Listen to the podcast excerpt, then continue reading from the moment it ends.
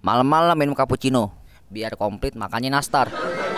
Hai, gue Arbisono. Sokin dulu, duduk sebentar.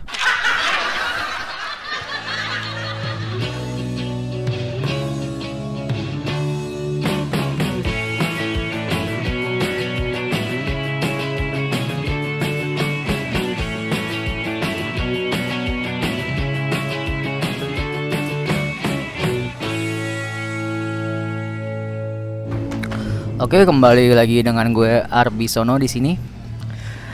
Jadi nggak terasa udah masuk ke episode eh volume dong ngomongnya, volume ketiga nih. Jadi di sini kita mengundang seseorang lagi.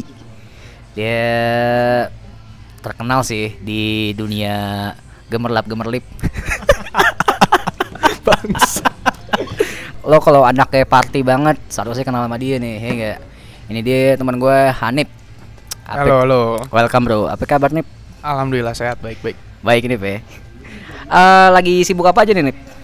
Uh, untuk sekarang sih masih sibuk di karir yang lagi gue kerjain ya masih seputaran VJing, seputaran ya, nyon mainin nyon mainin dunia malam juga sih sambil belajar terus ya sama ngedalamin lighting sih.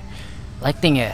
Oh ya, perlu diketahui nih bahwa Hanif ini kan kerjaannya VJ nih, Pe. Iya betul. Nah, mungkin di sini bisa lo jelasin nih, Nip. Eh, VJ itu apa sih? VJ itu sebenarnya visual joki. Eh, Uh, pada awalnya orang lebih tahu VJ itu sebagai host MTV.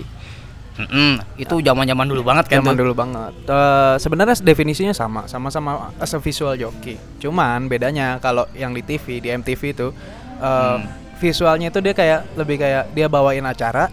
Eh, visualnya itu ada operatornya sendiri sebenarnya. Hmm. Dia cuman ngebawain tek muter lagu ini. Oke, begitu begitu dia bilang si host ini berkata seperti itu, ya si op- si operatornya ini muter video klip yang Hmm, hmm. di si hostnya bilang Iya. seperti itu. Nah, balik ke waktu dulu-dulu nih. Awal mulanya lo terjun ke sini tuh gimana, Nip? Awal mulanya jadi pertama kali itu gua pas banget ini genep udah genep setahun lewat sebulan sedikit ya. gue masuk Oktober tanggal 13 kemarin, tahun kemarin kalau nggak salah.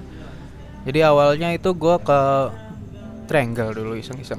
Triangle dulu, tahun lalu, tahun 2018 berarti ya? Iya 2018. Nah kebetulan eh gue lagi gabut.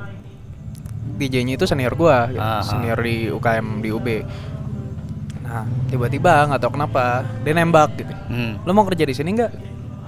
Nah kebetulan eh, posisi gue kan ya gue udah cerita juga sih ke dia. Gue lagi nunggu sidang lagi nggak ada kegiatan juga. Cuman ngurus UKM sama ya kesibukan kampus lah paling. Mhm. cuman gue rasa eh, pada saat itu gue sempet sih ada pikiran kayaknya gue butuh penghasilan nih gue butuh pengalaman. Nggak bisa gue kayak gini-gini terus. Gue udah ke sana kemari nyari nyoba-nyoba hal macem-macem belum nemu yang serak aja gitu. Sampai ketemu job VJ ini gitu. Ah. pada awalnya ya dia cuman bilang lo ngerti Resolum Eh, berdasarkan berbekal pengalaman gua waktu magang kemarin Ah. ya gue sempet tahu tuh aplikasi namanya Resolum itu terus eh, yang gue tahu tapi cuman ngeklik ngeklik doang kayak ganti powerpoint Ah, jadi cuman ininya doang apa eh, pergantiannya doang Ganti-ganti ya? gambar Ah, doang, gitu.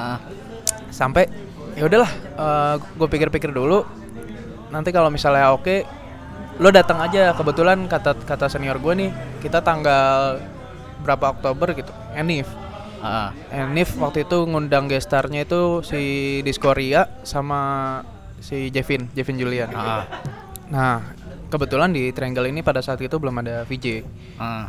Terus eh jadi kita masih ngambil dari man- dia- dari satu manajemen. Hmm. VJ-nya ini dari Bandung, dari shelter. Namanya Mas Pei. At- le- mungkin lebih dikenal VJ Velocity. VJ Velocity. oke. Nah, eh, tahun ini dia juga ini sih eh, dari tahun kemarin dia udah masuk nominasi Paranoia Awards. Sampai tahun ini dia masuk lagi. Nah, kita sebagai satu manajemen ya panutan panutan gue ya ke dia sebenarnya. Hmm. Dia yang kenalin gue sama dunia VJing untuk pertama kalinya gitu. Ngelihat langsung live dia main seperti apa, terus gue tertarik gitu. Kayak, oh ternyata gini kerjaan orang di balik layar itu. Wah gila, VJ tuh keren juga ya. Bener-bener eh, kebetulan gue juga ngerasa gue ada paham di musik.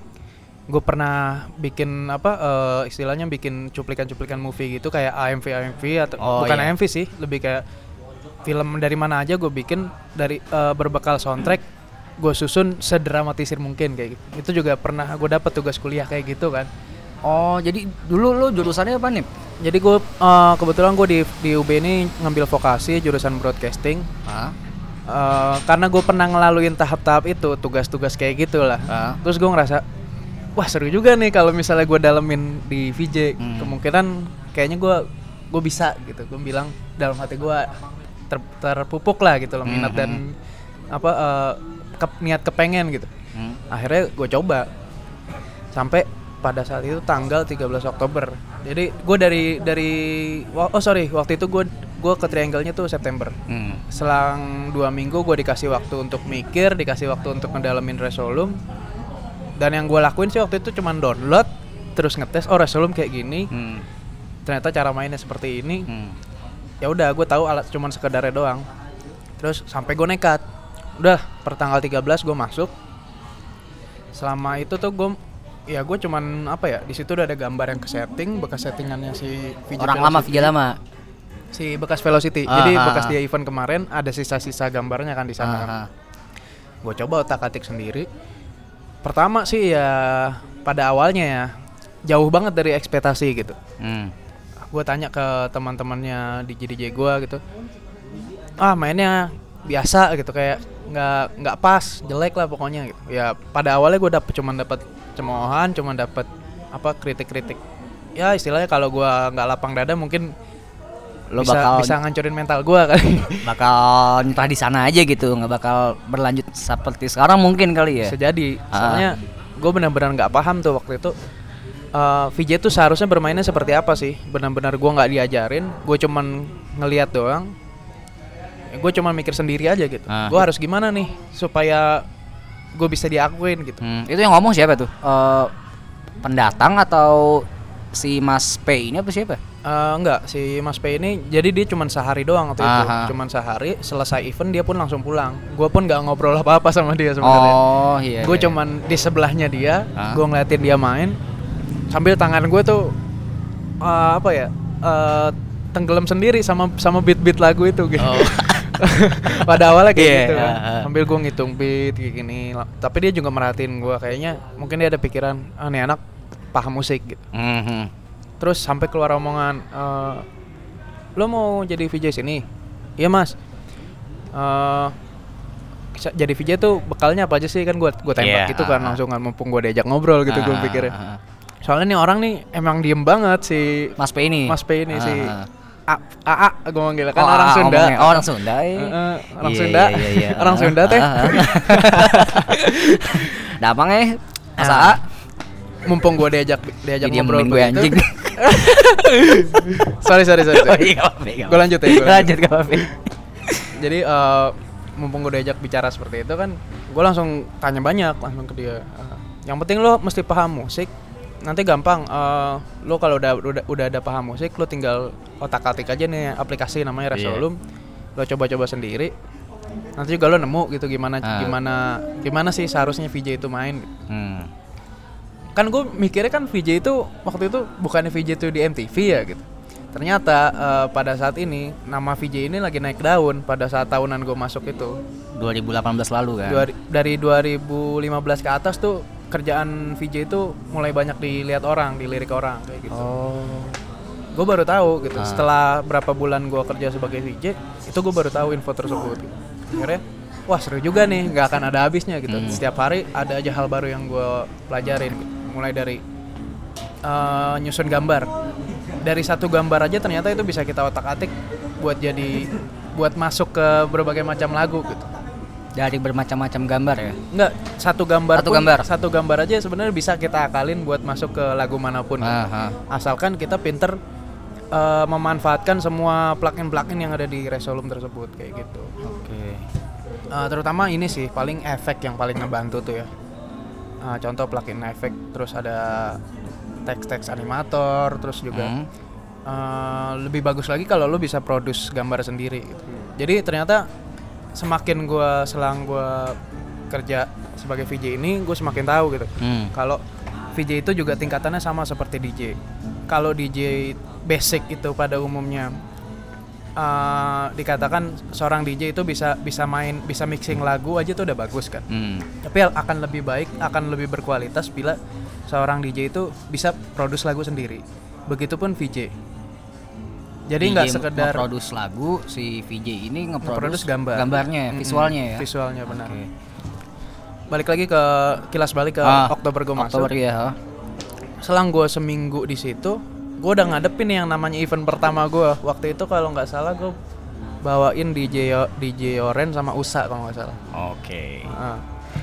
wah gimana nih persiapan event nih gitu kan gue ah. gue panik sendiri Ah, itu karena pert- pertama kali ya enggak? iya pertama kali banget terus gue langsung ngubek-ngubek tuh di YouTube biasanya event eh, talent pas main tuh kita suguhin apa sih oh ternyata yang harus kita siapin tuh contoh fontnya Hmm. font DJ tersebut terus juga kalau bisa ya kita kreasi-kreasiin sendiri. Lebih bagus kita bisa bikin footage gambar sendiri yang udah bentuknya video ada foto-fotonya dia.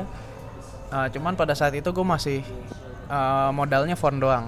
Karena gue Ah. cuman tahu di font kan. Lagian juga gue lihat kebanyakan VJ itu mainnya memang nggak nggak nggak mesti foto ya. Dia lebih sering yang penting font ada kita pampang terus juga kita nggak lupa sama sponsor-sponsor itu udah cukup gitu.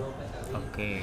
sampai akhirnya gue ngerasa kurang nih kayak gini doang kayaknya biasa gitu waktu itu gue belum tahu banyak efek gue belum bisa kreasi macam-macam akhirnya gue mulai berani nginput foto DJ DJ tersebut gitu Itu Gua- pas di event awal atau event berikutnya lagi nih yang mulai berani? itu selang abis usa Ah. uh, DJ berikutnya langsung gue terapin Nah, pas di USA ini gimana akhirnya? Eh, setelah lo perform gitu. setelah gue perform sih Impact-nya apa? Pertama gini setelah gue udah pasang font gue udah udah udah paham efek sedikit uh, sekedarnya Iya, ah. gue main gue udah mulai bisa nih udah mulai udah mulai nyambung sama lagu gue udah Ah. mulai hafal gambar apa aja sih yang ada di situ Iya. kira-kira gambar ini cocoknya gue taruh pas lagu apa nih Ah. ya gue udah mulai udah mulai nyusun playlist sendiri istilahnya udah mulai nyusun setlist sendiri Hmm. gue main terus gue denger dari customer customer kemarin yang bilang gue oh mainnya jelek mainnya biasa mainnya nggak nggak banget gitu Hmm. sekarang mal- malah bilang wah ini anak udah ada perkembangan nih kayak gitu Oke. di situ gue mulai ngerasa wah nggak sia-sia nih apa yang Ah. udah gue usahain lanjut lah akhirnya selang Event berikutnya. event berikutnya Ah. event berikutnya gue udah mulai kreasi pasang foto-foto talent terus juga udah gue udah bisa bi- milih-milih gambar sendiri udah bisa nyusun-nyusun gambar sendiri Hmm. bahkan sampai eh, kalau gue ya tipikal VJ yang VJ itu macam-macam Hmm. Sa- eh, pada saat itu gue udah nemuin cara main gue sendiri gitu. jadi gue gue nyusun gambar itu berdasarkan kalau temponya pelan ya gue taruh ini sebagai gambar low istilahnya pas lagu santai gambar ini cocok dikeluarin gitu terus Oke. ada lagi low mid ada lagi mid ada lagi high mid ada lagi high Dan jadi semua tergantung sama musik musiknya. sama musiknya Iya. dan itu manual masih Oh, sampai manual sekarang itu? pun gue manual Tapi untuk pencarian jadi kan lo masuk VJ ini sebagai kayaknya gue bakat gue di ini deh, gue coba deh atau mungkin eh, ya udah coba asal coba aja gitu.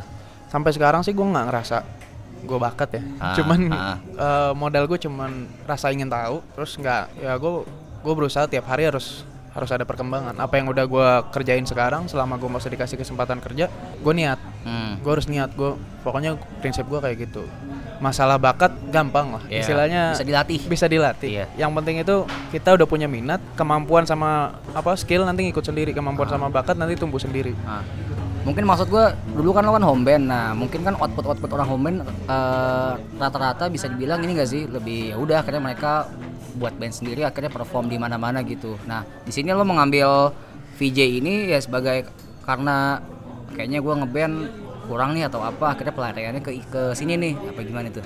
Eh, sebenarnya sampai sekarang pun gue nggak pernah nyerah sama musik Ah, cuman bedanya gini eh, untuk kita ngebangun suatu band itu lebih rumit iya. pertama ya eh, band itu kayak kita komitmen band-bandan itu kayak kita komitmen sama istri kayak kita nikah gitu. yang namanya lo punya band lo bakal sama-sama terus nih sama personil-personil lo Iya, heeh. di saat lo nggak cocok hancur lah itu band rumah tangga itu hancur Satu istilahnya kayak aja gitu. ya, yang retak gitu berarti. Nah, balik lagi ke lu. Eh, bedanya gini, istilahnya kalau kita nikah, kita Hmm. cuma punya biasanya nikah sama satu istri kan. Tapi kalau band-bandan kita poligami, Stamina misalnya harus kuat juga kan ya harus kuat. misal wax nggak nggak nggak nggak kok gue jadi nular wah lo ngerusak Eh, ini ngerusak momentum eh. nih nggak nggak benar-benar jadi istilahnya kita cerai sama istri pertama kita Iya. kita masih punya istri kedua ketiga keempat yang harus kita jaga kayak Ah. gitu nggak bisa kita nyerah di tengah-tengah apalagi di home band ini memang rata-rata bandnya bandnya sendiri indie bukan kita nggak masuk label kita nggak masuk mana-mana kita benar-benar. Ayo, band-bandan. Oh iya. udah cocok kembangin sendiri Hmm. mulai dari apa eh, latihan contoh latihan rutin terus juga eh, pahamin ala terus juga eh, investasi Iya, gitu aha. kita nabung buat beli efek misalnya bisa Ah. kita nabung buat beli apa eh, properti terus kita nabung buat bikin merchandise Hmm. kita nabung buat nyusun press kit buat promo dan lain-lain gitu nah itu tahapannya jauh lebih berat Tapi dulu lo sempet punya band gitu, sempet perform juga mungkin. Eh, sempat punya sempat mau bikin band cuman dari dulu tuh gue punya band cuman nggak nggak ada yang serius gitu Iya. dari zaman sekolah ya karena kan gue cuma seneng aja sama musik ya Ah. belum tahu tuh gimana sih susahnya band-bandan pada saat itu ya Hmm. sampai gue masuk home band ini pas di home band gue baru tahu ternyata bikin band itu nggak semudah seperti yang gue pikir banyak faktor yang harus kita perjuangkan gitu di situ Hmm.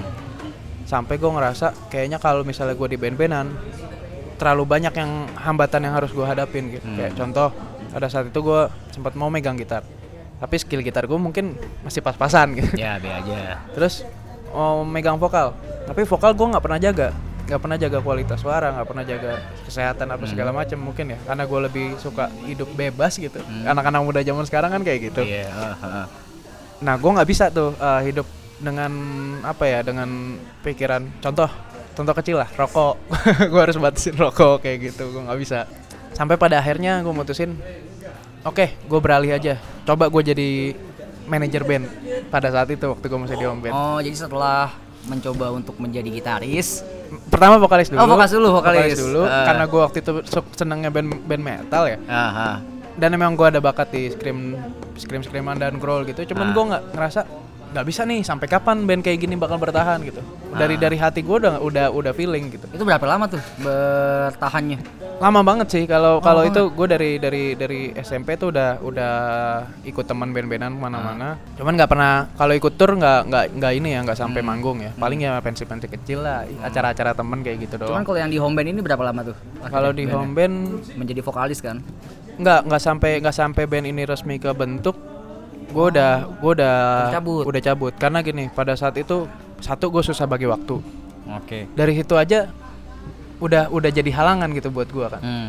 gue ngelihat teman-teman gue yang yang ngajak ini pada seriusnya kayak wah lebih lebih lebih dari gue gitu. Gue masih nggak ada apa-apanya di situ. Hmm. sampai gue mutusin gue sadar diri. Gue realistis juga gitu. Nggak bisa nih gue idealis terus nggak bisa gue egois. Biar gimana kita band ini bareng-bareng kecuali Hmm. gue solo lain cerita Iya, gitu. itu beda cerita kan. nah sampai situ gue udah dapat jawabannya akhirnya gue mutusin tapi gue nggak bakal nyerah nih di musik-musikan karena Hmm. memang gue suka banget sama yang namanya mus- dunia musik gue beralihlah ke manajer pada saat gue eh, kerja sebagai manajer ini gue serius serius banget cuman di sini banyak di dalam band-bandan itu sendiri yang tadinya itu notabene hampir jadi band gue gitu Oke. gue nemuin halangan macam-macam satu dari SDM-nya uh, gue ngerasa di situ gue punya tanggung jawab juga sama gimana caranya gue ngebentuk SDM ini supaya solid supaya kompak supaya nggak nggak ada pecah belah Ah. supaya bisa kerja bareng nggak ada iri-irian nggak ada bagi bagi job desk yang berat sebelah seperti itu Hmm. terus juga gue mesti mikirin nih gimana caranya promosi gimana caranya kita mengenalkan band ini ke Hmm. sampai keluar seperti itu Itu hal baru juga, hal baru atau pada awalnya gue ilmu gue nol jujur gue Ah. nol besar di dunia musik di dunia musik yang udah serius ya. Aha. gue nol besar gue cuma tahu gimana serunya band-bandan cuma tahu gimana atmosfernya konser cuman kayak gitu-gitu aja. Eh, tapi selama gue di home band ini karena gue banyak sharing sama senior senior juga gue orangnya mau sih mau mau keluar mau nemuin orang. Hmm. gue orangnya pasti eh, bisa dibilang mungkin sebagai apa ya eh, orang yang mengawali gitu. Ayo ke sini yuk. Ikut kayak gitu. Oh. Eh, sekalinya ada yang ngajakin gue pun pasti ayo ikut. Jadi gue nggak akan nyanyain kesempatan itu. Tujuannya supaya yang lain ngeliat gitu. Oh kayaknya seru nih kayaknya asik nih apa sih manfaatnya? Gitu. Gue pengen buktiin gitu. Kalau yang gue lakuin selama ini gue muter-muter sana sini tuh nggak sia-sia kayak gitu. Hmm. sampai gue sharing macam-macam uh, gue ketemu sen- band senior gue namanya Remisa. Dia yang udah Oh, udah main ke bisa. Bali. Iya, udah naik ya. Nah, kebetulan seniornya eh, apa gitarisnya senior gue sendiri si Mas Ani. Ah. Gue sharing banyak sama dia dari situ gue tahu gimana sih susahnya bekerja sebagai manajer itu karena dia sendiri juga selain gitaris dia juga eh, melakukan kerjaan-kerjaan manajer gitu rangkap dan eh, senior gue ini dia juga punya band lebih dari satu. Gue gue ngeliat dia aja bisa kenapa gue enggak? Iya, iya, Tinggal iya. masalahnya gue mau keluar dari zona nyaman apa enggak kayak gitu. Ah, oke. sampai akhirnya gue gue terusin serius Eh sempet vakum karena waktu itu bar-barengan sama yang gue dapat kerjaan jadi VJ ini Ah. gitu Eh, bukannya vakum sih jadi kayak Ah. di situ lagi ada masalah internal antara personil gitu Ah. yang bikin anak-anaknya tuh produktivitasnya kehambat terus eh, sampai gue tinggal nge VJ selang berapa bulan teman gue ini yang udah emang udah deket banget sama gue yang udah tahu gimana gimana kita susah senang bareng sebagai ngebangun band inilah gitu Mhm. ngebangun bandnya dia sebenarnya nah di situ dia nyari gue lagi kan. Terus dia nyari gue hebatnya teman gue ini dia nggak pernah nggak pernah apa ya nggak pernah ngebuang gua gitu. Dia selalu ngasih kesempatan oke kalau lo nggak bisa di ini lo bantuin ini deh lo bantuin ini bantuin ini. Dan dia sangat an- nyambut gitu kalau gue mau bantu dia terima-terima aja gitu. Oke eh, boleh kok ada slot pokoknya eh, lo bisa kerjain ini nggak lo ikut aja apa pun yang bisa gue apa pun yang bisa gue bantu di situ pasti gua gue bantuin gitu Hmm. contoh kayak waktu itu dia manggung ke mana eh, ke kediri waktu itu ya gue ngikut itu udah namanya band ini tuh udah udah lumayan lah Selin Parker namanya Selin Parker. Nah, kalau boleh di follow aja Instagramnya Selin Eh, Parker. boleh, boleh. Kalian promosi. Ah, boleh. Apa IG-nya? Eh, Selin Parker, at Selin Parker. Jadi itu band yang udah dari 2016 ya pertama kali kebentuk Aha. itu band. Sampai dua tahun kemudian yang gue dapat job VJ, nah itu gue udah ngelaluin proses. Itu gue masih sebagai manajer yang tadi gue cerita ya Ya. pada tahun 2018 itu. Terus gue vakum sebentar karena gue dapat kerjaan VJ sampai pas manggung-manggung kemarin gue masih ikut. Gue bantuin ke kru ikut eh, apa gimana sih eh, dari mulai proses daftar sampai ngurus di backstage tuh gue pelajarin semua dari mereka kayak gitu Oh. terus sampai bikin lagu aplikasinya apa recordingnya seperti apa mixing mastering terus eh, kalau udah udah kelar nih jadiin albumnya gimana ngerancang albumnya seperti apa cetaknya gimana itu gue sampai ke situ gitu Gua- Yang zaman-zaman manajer ya? jangan jangan manajer gue sampai ya ilmu, ilmu baru banget kan buat Iya, gue iya. dan ini benar-benar nggak gue dapet dia dari tempat di tempat-tempat lain kayak gitu terus sampai kemarin terakhir di acara di backline backline sini ini di kopi sawah Hmm. gue dipanggil lo mau nggak VJ-in band gue jadi eksklusif gitu khusus selin nah itu pengalaman pertama gue main di luar juga sih jujur Ah. selama ini gue cuman di kandang istilahnya cuman di triangle itu 2018 juga apa? baru baru Oh, baru tahun ini nih ya? tahun ini bulan Oktober kemarin tanggal 17 ya oh, anjing. itu perdana banget gue main di luar makanya gue bener-bener pas Selin main ini gue bener-bener konsep dari Hamin 3 tuh gue udah mikir keras. Nih gue harus siapin aplikasinya dulu gue harus siapin gambarnya. Sampai di situ gue juga nemu kendala gitu dari mulai Hmm. instalasi programnya sendiri yang tadinya gue nggak sampai mikir bakal sesusah ini gitu ya. Iya. ternyata semua itu bisa gue laluin gitu cuman bermodal. Pokoknya gue ada deadline tiga hari. Ah, gimana caranya? Gue harus bikin kesan pertama yang baik seperti itu. Oke. sampai jadilah gue perform di backline selesai acara ya dokumentasinya mungkin bisa bisa dicek sendiri ya di Instagram Di mana tuh di Instagramnya Selin Selin? Oke. Jangan lupa follow ya. Beberapa- Iklan lagi. beberapa cuplikannya ada di situ lah Oke. ya alhamdulillah sih mereka puas juga terus orang-orang juga bilang bagus ya keren gini ya Hmm. di situ sih apresiasi juga buat gue gitu Sebelum lo masuk ke dunia ini nih, Nip, lo sempet nyobain dunia apa lagi nih selain band dan eh apa namanya VJ ini gitu? Lo sempet ikut kegiatan lain mungkin atau apa? jadi pertama itu gue emang eh, suka musik udah dari SD sebenarnya Ah, Uh, terus pas SMP, gue awalnya gabung sama komunitas blogger. Namanya itu Kancut Keblenger. itu zaman zaman kapan? Zaman SMP. Zaman SMP anjing. uh, ketuanya itu namanya Irvina Leoni ya. Itu dia udah wah panutan gue. kuliah deh? Udah kuliah. Jadi Oh. waktu gue kenal dia tuh gue SMP, dia kuliah di Untar. Oh iya. gue gabung komunitasnya dia karena zamannya ini sih. eh, dia waktu itu ikut zaman Twitter. Hah? Gue lihat nih orang kok eh, punya komunitas blogger, terus bisa kumpul sama kayak sekelas Benak Ribo, Oh iya terus banyak ribu Ari Ari Pocong. Pocong. Ah, ah. eh, waktu itu dia ikut brandingnya Walls kalau nggak salah ya. Oke. Gue liat fotonya dia bareng-bareng Ah. mereka, terus gue tertarik gitu. Hmm. Coba ah gabung gitu. Hmm. Itu lu sendirian ya nggak sama teman-teman lu atau sendirian. Gue dari dulu nggak pernah nggak pernah nunggu orang sih. Jadi begitu gue suka sama satu hal, gue pasti terjun langsung. Oke. Nyari- Nyari tahu langsung gitu. Gue jalan di Kancut Keblenger itu. eh, pada awalnya sih gue nggak ngerti website, nggak ngerti apa-apa. Ah. Sampai sekarang pun kemampuan website gue paling ya masih apa, masih ala kadarnya lah. Iya, iya.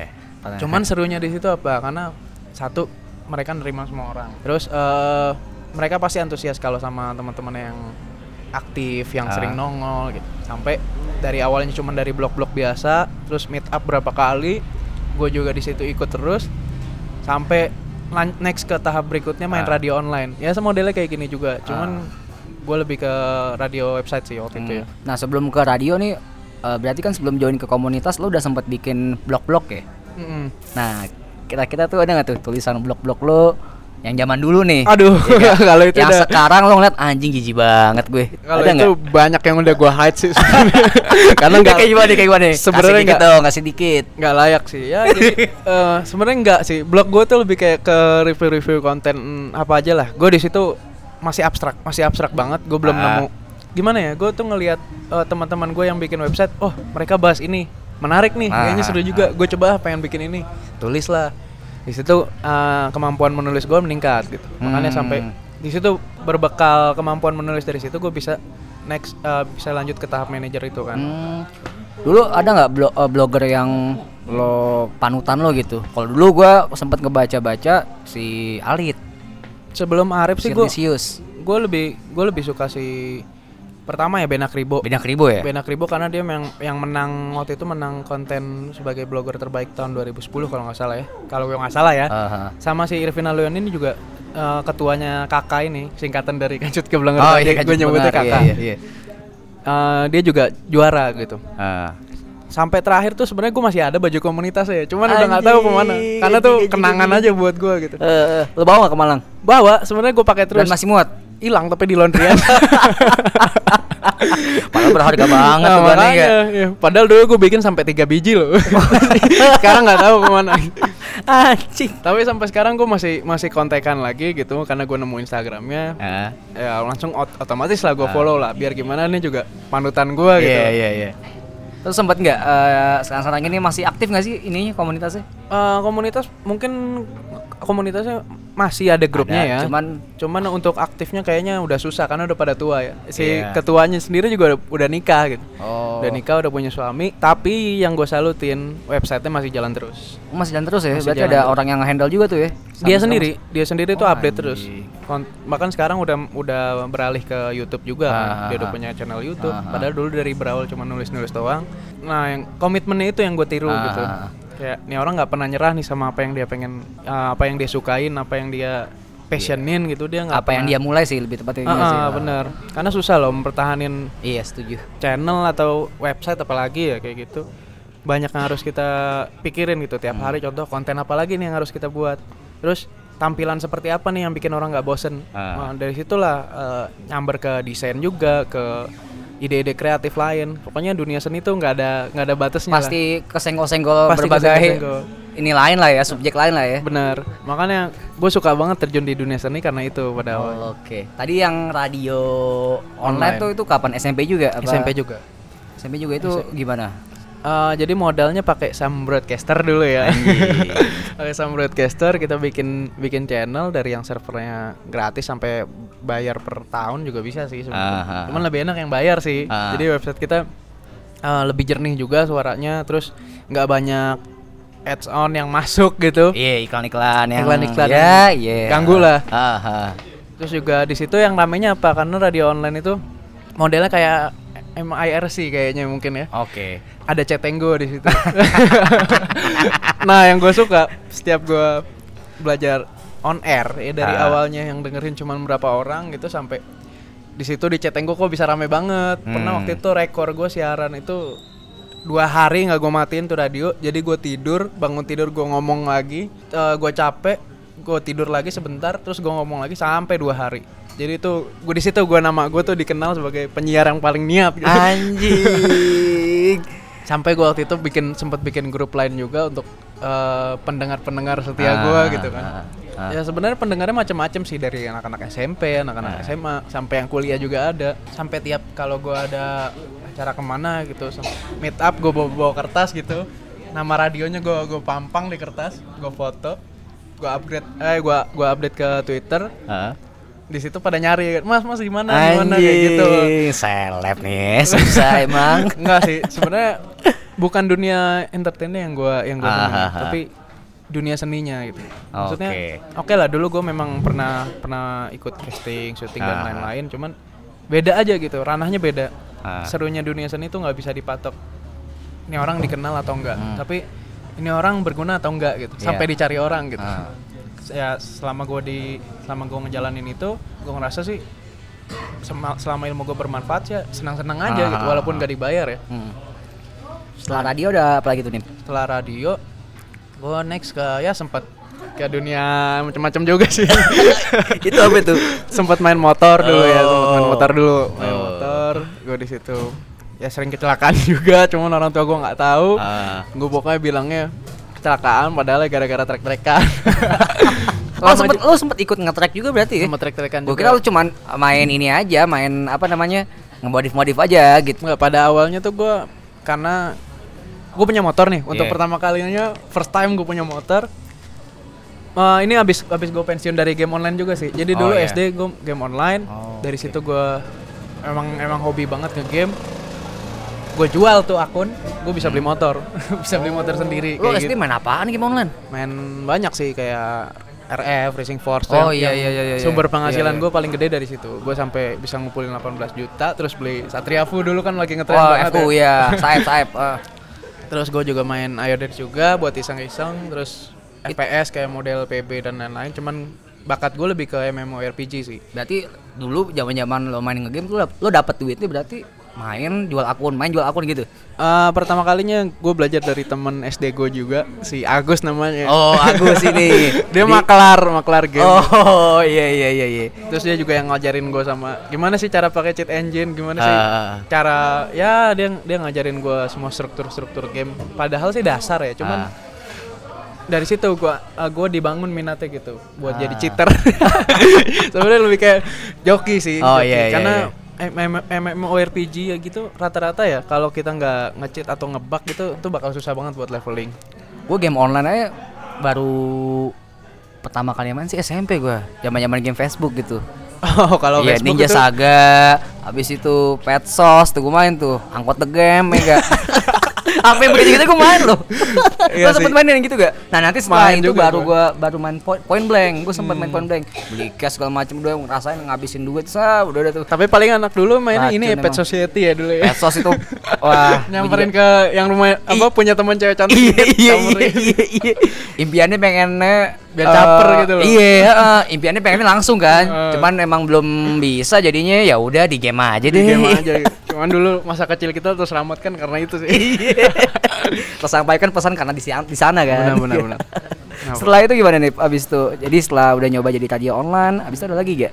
Jadi dari game online dulu pertama, Ah. habis itu main blogger, terus radio online, terus berikutnya main motor. Nah pas main motor ini, gua udah udah punya duit kan, Ah. udah, udah megang duit, terus juga sebenarnya masih minta sih, cuman modal awalnya kan dari sendiri, Iya. jadi jadi lebih lebih proud aja gitu. Ah, ah, ah. Situ gue mulai nekat, ah, lebih lama ngabisin waktu gue di bengkel. Buat motor. Ah, buat motor. Pertama Oke. cuma duduk-duduk doang sampai diajarin waktu itu. Ah. Sini bantuin setel Anjing. pelek. Anjing setel pelek. ya udah gua disuruh muter pelek terus Ah. cari mana yang bengkok. Pertama gua dilatih kayak gitu Ah, kan. Itu kapan nih? Eh, SMP sih, Mak? SMP masih. SMP Ah, anjing. sambil gua waktu itu gua lagi gila-gilain nongkrong juga.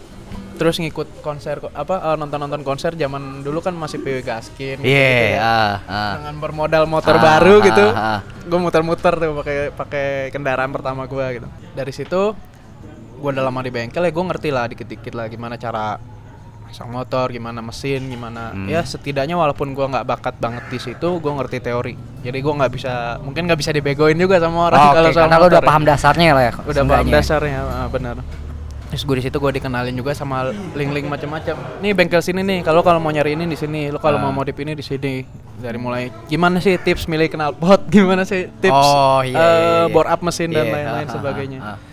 sampai dari situlah sampai waktu gue SMA juga teman-teman gue banyak nanya ke gue Ah. gue mau beli ini nih anterin gue dong anjir sampai gue jadi asistennya dia gitu kalau mau belanja motor anjing, anjing, anjing. kayak gitu Gua aja baru apa ya namanya baru punya temen yang baru kenal motor lah itu SMA gue. Nah itu juga awal-awalnya bisa tahu motor segala macam itu dari ini dari Nadib. oh iya tahu, tahu. Iya, Nadib, Ambon kan dulu kan bikin nih dia bikin apa namanya komunitas motor gitu deh berarti yang touring-touring gitu deh. Mm-mm. Ah, dia buat kayak gitu dulu tuh. Itu baru pertama kali awal gua kenal sama motor sih.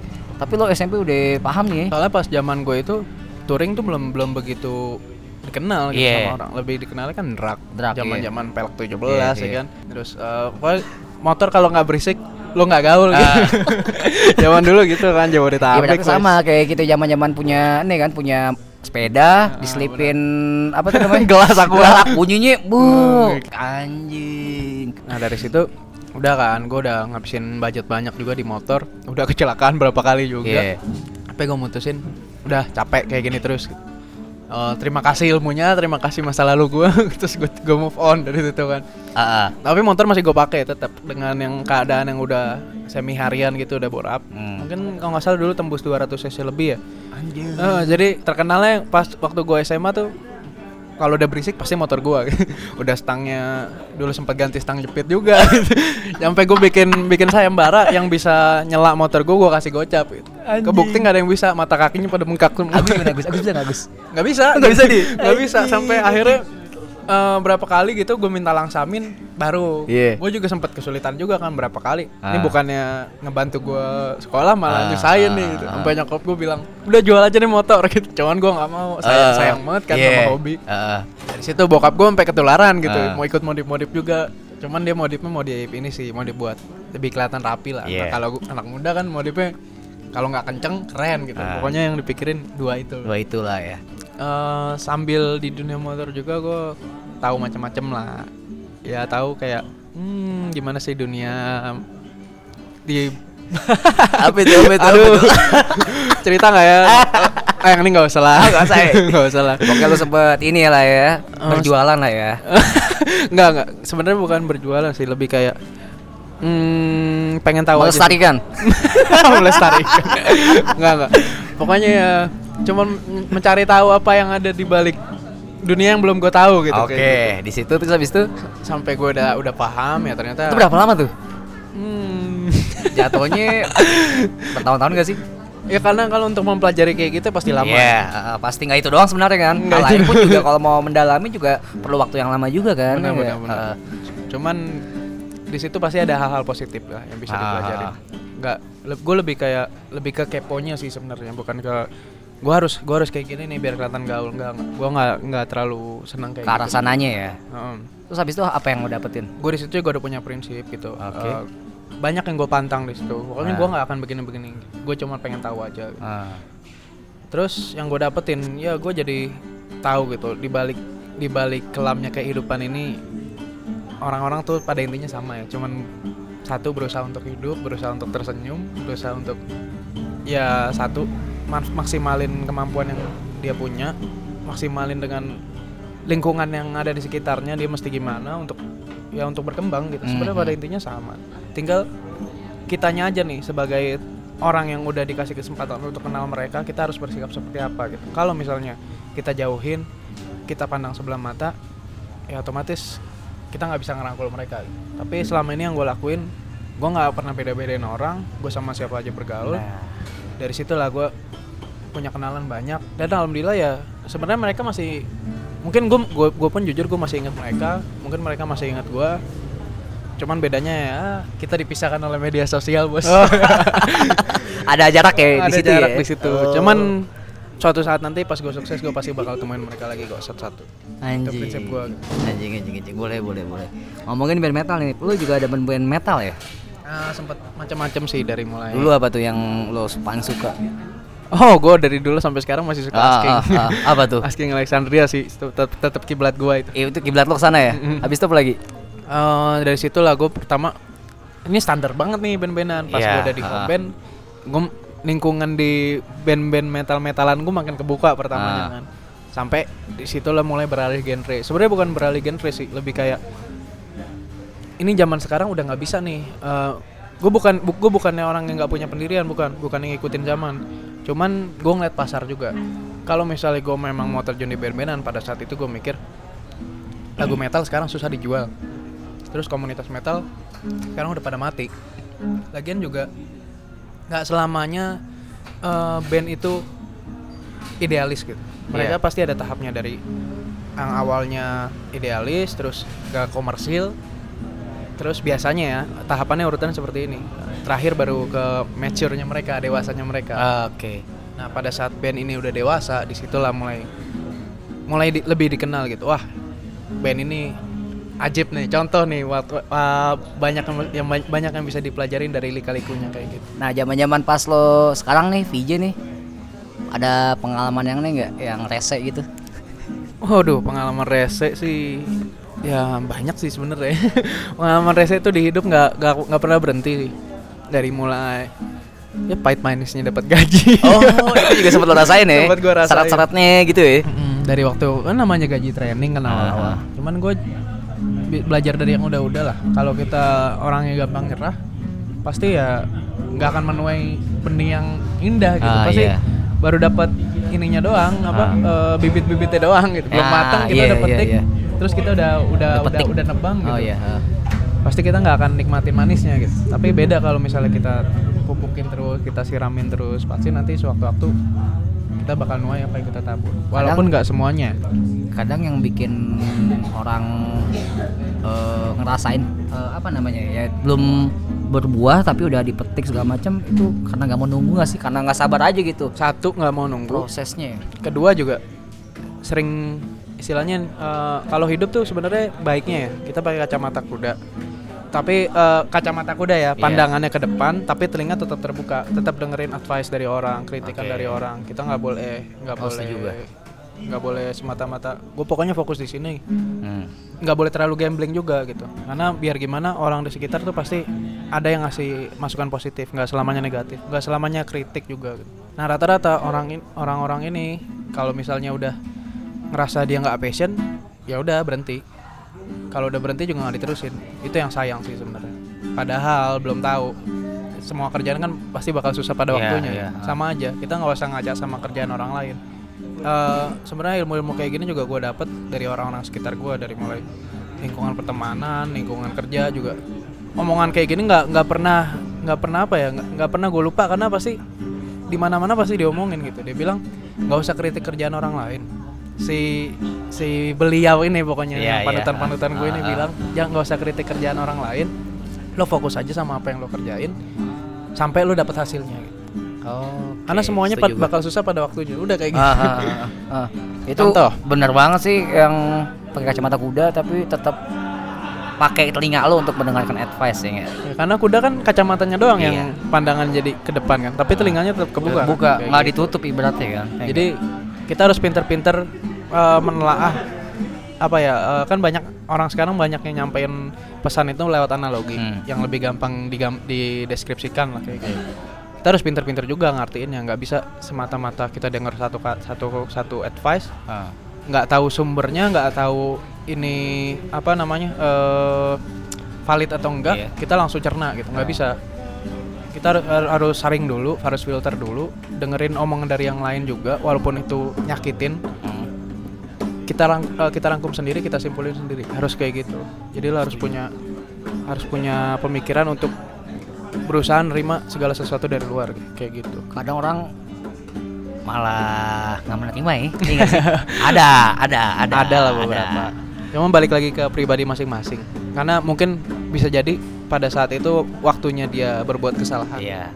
semua orang berkembang juga karena waktu kan Ah, ah, nggak nggak mungkin eh, di umur yang sama anak ini si A ini udah bisa mikir sejauh orang-orang yang orang yang lebih dewasa dari umurnya gitu. bisa jadi dia baru baru punya pikiran seperti itu di umur yang 20 atau di umur 30 mungkin Iya. macam-macam yang penting kita jangan jauhi orangnya tapi tunggu dia kapan waktu menyadarkan dia kayak Hmm. Tapi gue pun juga sendiri merasa apa ya eh, banyak hal banyak belajar banget tuh pas kuliah sih. Hmm, Di antara ya SMA juga ada masing-masing ada hal yang bisa gue petik sih. Cuman nggak tahu kenapa kuliah ini gue ngerasa banyak banget sih yang gue pelajari gitu ya. Mungkin apa? Mungkin karena ini kali ya kita jauh dari orang tua ngerantau itu Bener kali banget, ya. bener Iya banget. sih? Lo ya gimana? semenjak ya gue ngerantau ini juga gue ngerasa hidup mandiri tuh asik Iya setuju. asik karena Asik kalau ada duitnya. enggak enggak gitu enggak gitu Nggak gitu. asik prosesnya sebenarnya ya satu di situ kita jadi lebih mikir orang tua kita udah ngebiayain kita jauh-jauh kan Iya.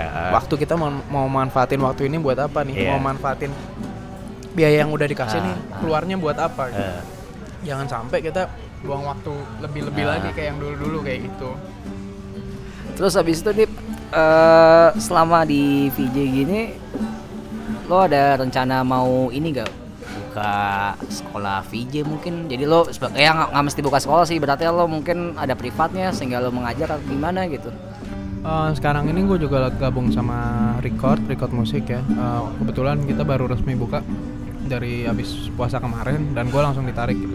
Ya masih sama sih, masih sama orang-orang yang sama dari tim tri- di Triangle juga. Cuman di sini gue dikasih wadah, dikasih tempat, gue dipercayakan. Sampai gue difasilitasi gitu. Gue dipercayakan lo kalau mau serius, kalau emang serius di VJ, coba deh eh, nanti ini ini gue kasih gua kasih fasilitas nih. Lo manfaatin fasilitas yang ada buat ngedalamin skill lo lebih jauh lagi. Gimana caranya nanti kalau bisa ya syukur-syukur lo punya murid sendiri kayak gitu. Oh jadi tetap sama mereka lo difasilitasin ya lo ya untuk ini juga? Karena pada awalnya gue masuk emang di Malang ini juga gue nggak nggak punya apa-apa gitu nggak Ah. gue cuma modal laptop apalagi buat kayak kalau untuk untuk gaming untuk sekedar ngerjain tugas ya bisa nah cuman kalau untuk ya gaming pun yang nggak Hmm. berat ya nggak HD gitu Hmm. karena RAM-nya terbatas juga VGA terbatas yeah. nah pada saat gua kerja di Triangle ini mereka juga ngelihat perkembangan gua percaya sama gua gitu ya gua udah dikasih kepercayaan kayak gini juga nggak bakal mau nyanyain mereka gitu Iya. Ya akhirnya yang bisa gue lakuin ya cuman berkembang aja tiap hari harus ada harus ada yang gue pelajarin gitu. Tapi ada bedanya nggak nih zaman-zaman Triangle dulu sebelum lo masuk sama sekarang setelah lo masuk gitu? Ada perbedaannya nggak? Dari dal- eh, mungkin dari segi performnya sih ketika perform gitu dari musik-musiknya segala macam gitu. Eh, banyak sih. Kita tuh tiap hari juga update. Memang pada awalnya dulu Triangle terkesan musik-musik yang ya Jawa Timuran banget gitu ya Iya. sampai Akhirnya gue dia ngomongin juga sama lo ya. gua gak, gua, gua gak berani ngomong soalnya. dulu ya gue sih terang-terangan Ah, gitu. iya, gue ah. berusaha se open minded mungkin Ah. supaya ya mudah-mudahan pendengar yang masih ngedengerin sampai di menit sekarang ini yang Ah. masih masih betah bisa benar-benar dapat manfaatnya gitu dari siaran kali ini gitu Hmm. Jadi Beda ya betul. bedanya itu pada saat dulu memang Jawa Timuran banget kan namanya Iya, juga dulu ah. tempat baru buka orang pasti lihat tempat baru buka dengan gaya musik yang kayak gitu ya pasti rame-rame aja lah Nah, nah, terus eh, makin berjalannya waktu. berjalannya waktu ya kita juga berkembang dong dari mulai DJ-nya Iya. dari mulai kitanya juga sebelum gue masuk tuh anak-anak sih udah nerapin dulu anak-anak entertainnya udah berusaha berkembang duluan terus juga pas gue masuk Triangle memang udah jadi tolak ukur musik salah satu apa ya klub atau beer house di Malang tuh ngelihat Triangle gitu sebagai oh mereka nih musik-musiknya fresh kayak gitu loh beda dari yang lain gitu jadi dijadiin ini juga patokan Itu eh, timbul persepsi kayak gitu setelah lo masuk apa sebelum? Eh, pada saat gue belum masuk sih gue nggak terlalu merhatiin ya. Tapi pada saat gue masuk gue ngerasa kok memang benar seperti itu adanya. Oh, iya iya iya. Akhirnya kita juga tiap hari pasti mikir kan, hari ini mau bawain konsep apa nih? Hari ini mau bawain gimmick kayak gimana nih? Nah di situ gue senengnya, karena tiap hari gue berusaha untuk ngehibur orang dengan gaya-gaya baru. Di situ gue Hmm. ngerasa nggak akan mati nih kalau gue terus di sini. Gue pasti tiap hari ada perkembangan kayak gitu. Hmm, cuman berarti da- dulu sama sekarang berarti ada perbedaan ya dari segi musik ya. Nah lagu-lagunya masih sama kah apa gimana? banyak banget nah kalau di Triangle sendiri gue ngerasa sih dari atmosfernya tuh enaknya apa ya? Karena dia rapi satu. Dari mulai awal musik awal tuh yang santai sampai ke musik yang kenceng mungkin. Terus ke kalau misalnya customer udah kelihatan bosen ya bisa masuk ke lagu-lagu vokal. Hmm. ya itu kita pinter-pinter eh, apa ya istilahnya hubungan antara VJ MC dan DJ ini harus harus deket. Hubungan VJ MC dan DJ ini harus deket supaya eh, kita tahu ayo nih waktunya masuk vokal nih customer udah pada bosen Oh berarti ada chemistry juga Ada- sana harus ya? ada chemistry Iya. kayak gitu ya semakin baik chemistry antara tim entertain semakin bagus juga pasti mereka eh, nge- ngebawain mood orang gitu Ah. mood customer seperti itu Dapat minum gak lo sana? kalau itu mah pasti dapat Oh, Cuman kan paling gue mesennya orange juice kayak gitu gitu lah Oh, orange juice ya. Iya, enak banget tuh. Aduh, ya ya nggak? gitu lah maksudnya. ya, you know what I mean. Ini ulang tahun gini-gini aja masa. Wah, jangan gitu Ini dong. kan baru ulang tahun nih ceritanya, ya enggak? jangan, jangan jangan buka uh, hakte dong. iya nih. Nah, eh Angel kan juga sempat ganti nama nih, Pe. Mm-mm. Benar gak? Kita sebagai orang luar eh pengunjung ya kan, ibaratnya ya pengen tahu aja tuh kenapa tuh awal-awal kok bisa malah berubah nama gitu di- ditambahin new kalau nggak salah ya. Mm, nah, itu itu kan ada perubahan struktur aja sih sebenarnya. Perubahan struktur, perubahan kepengurusan. Ya jadi kita ganti nama kayak gitu aja sih sebenarnya. Sesimpel itu loh. Oh, jangan-jangan juga itu punya ini ya youtuber juga tuh. Siapa ya? Si Re- Reja Arab ya? ah iya, ah, dia Itu memang emang bener ya? si Arab itu si News kan waktu itu Ah. kan memang dikasih kesempatan main di shelter waktu itu diundang ke Iya. shelter shelter Bandung sama Ah. Surabaya karena masih masih satu manajemen sama kita dia main terus dia tertarik buat naruh Hmm. saham di kita kayak gitu Hmm. aja sih nah, jadi terkenalnya memang wah uh, punya Arab nih padahal ya dia sih nanam saham cuman memang Oh. memang benar kok dia Hmm. dia ikut ikut ikut andil di situ Hmm. dia juga banyak banyak nyum- lumayan nyumbang sih sebenarnya Arab tuh kayak gitu aja Jadi perlu diketahui juga nih Hanif nih bisa dibilang sih udah kayak warlock banget sih. warlock warga lokal iya, warlock banget. Kenapa? Ini dia orang yang ngasih tahu gua tempat penginapan yang murah-murah ya ga. Jadi sumpama temen lo nih dari jauh ya kan. Iya, iya, benar, ke benar. sini kan. Nah, dia tahu tuh tempat-tempat yang murah-murah, yang seharinya cepet, apa goy, nggak tahu tuh, tahu banget ya ga. Dan yang lebih gua Kok kaget, ambigu gini nih ambigu gini Ya kan temen ya kan. Iya, gua benar, bawa. Agus gitu kan yang nggak Benar, ke sini. Tahu lah tempat di mana kan ya ga. Terus dia juga tahu tempat di mana kalau beli minuman Jadi kan kalau lo biasa kan kalau beli minuman kan orang-orang rat- rata-rata kan palingan ke Nusantara kan, ya enggak? Heeh. Hmm. Dia tahu nih tempat beli ya ibaratnya let's say kalau beli Amer lah ibaratnya kan. Nah, yang buka masih buka sampai jam 4 tuh. 4 subuh nih, 4 subuh. Nah, dia tahu banget tuh tempatnya di mana.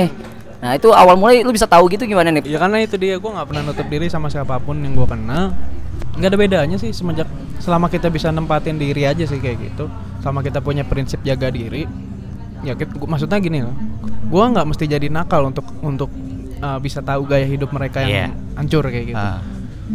Tinggal gimana gue menempatkan diri gimana gue pinter berbaur uh, gimana gue gua pinter ngomong aja ke mereka gitu yang Ah. penting jangan terkesan bukan terkesan yang penting gue jangan sampai manfaatin jangan sampai pas ada butuhnya doang gue inget mereka kayak gitulah pokoknya prinsip gue yang gue pegang sampai sekarang kayak gitu Tapi lu juga punya teman-teman yang merasa anjing kayak gue dipanggil pas dibutuhin aja gitu. Pernah nggak? Uh, banyak sih sebenarnya ya tanpa sepengetahuan gue pun gue tahu gue nggak gue nggak bisa baik ke semua orang gue tahu pasti banyak orang yang uh, nggak di ada apa ya istilahnya nilai gue buruk ya tahu juga gue gue banyak salah cuman di situ yang pengen gue tebus tuh apa uh, gue cuma pengen berusaha kalau gue dapat kesempatan untuk interaksi sama dia lagi Nah, iya tuh.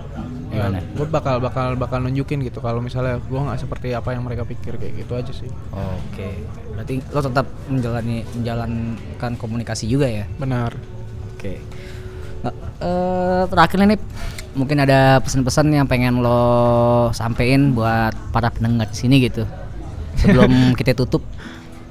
Emang mau tutup ya? Closing. Nusa- Nusantara masih buka loh. Oh iya, eh, diundang lo pada tuh ya denger ya. Enggak, enggak bercanda, bercanda. nggak banyak sih yang pengen gue simpulin ya. ya gue sih makasih juga udah diundang ke Duduk sebentar. podcastnya Mas Arpi Sono ini yang notabene warga interlokal ya kali. Interlokal. asli asli hormat warga lokal hormat iya. ya mudah-mudahan sih manfaat gue nggak tahu apa yang bisa lo ambil dari obrolan kita yang ngalor ngidur begini dari tadi cuman mudah-mudahan yang dengerin juga puas ya kalau misalnya mau sharing-sharing langsung sama gua atau sama penyiar juga boleh Iya. gampang lah kalau nyari gua kan udah tahu di mana Iya, apalagi bisa. nyari penyiar lo gampang lah kontak deh, saya lo ah manis banget mulut tuh kayak sales kan gini-gini gue juga pernah jadi saya Oh iya, cuman nggak belum gue ceritain aja Oh iya, iya. Episode berikutnya Sabi kali. Oh ya. setelah deh bebas. ya udah kalau gitu gue terim pokoknya terima kasih juga buat semua yang ada di sini kru-kru juga sekaligus yang udah memfasilitasi. Oh bawa kru ke sini ya? Oh, iya dong, ini Banyak banget nih kayaknya nih. Ini ada yang ada yang monitor juga nih, ada yang monitor audio, belum nanti yang tim editingnya dan Oh, iya. lain-lain. gitu. Pokoknya makasih juga buat semua orang yang ada di Ah, sini. ah. Ya udahlah, gue nggak mau banyak ngomong lagi. Assalamualaikum warahmatullahi wabarakatuh. Salam loh. Oke teman-teman, terima kasih udah pada dengerin. Jangan lupa follow at duduk sebentar dot saja. Berhubung kita saat ini lagi nge-record di Tanduk. Jadi tempat kopi namanya Tanduk di daerah dekat lapangan SM. Jalan ya, daerah Sudimotos itulah pokoknya. Nah, di situ lo bisa cobain kopi-kopinya sama nggak hanya kopi aja tapi di sana juga ada makanan dan juga ada minuman yang non kopi juga. Di situ juga harganya oke rasanya juga mantap. Thank you Nip ya. Udah jangan lepas dulu dong. Gue selesai ngomong nih sama lo Iya, iya, nih. sama-sama, sama-sama. thank you ya Nip ya udah datang. Mungkin jangan kapok-kapok lagi ke sini kan ya Siap, nggak? pasti dong. oke terima kasih teman-teman yang udah dengerin. Gue Arbisono cabut dulu. Ciao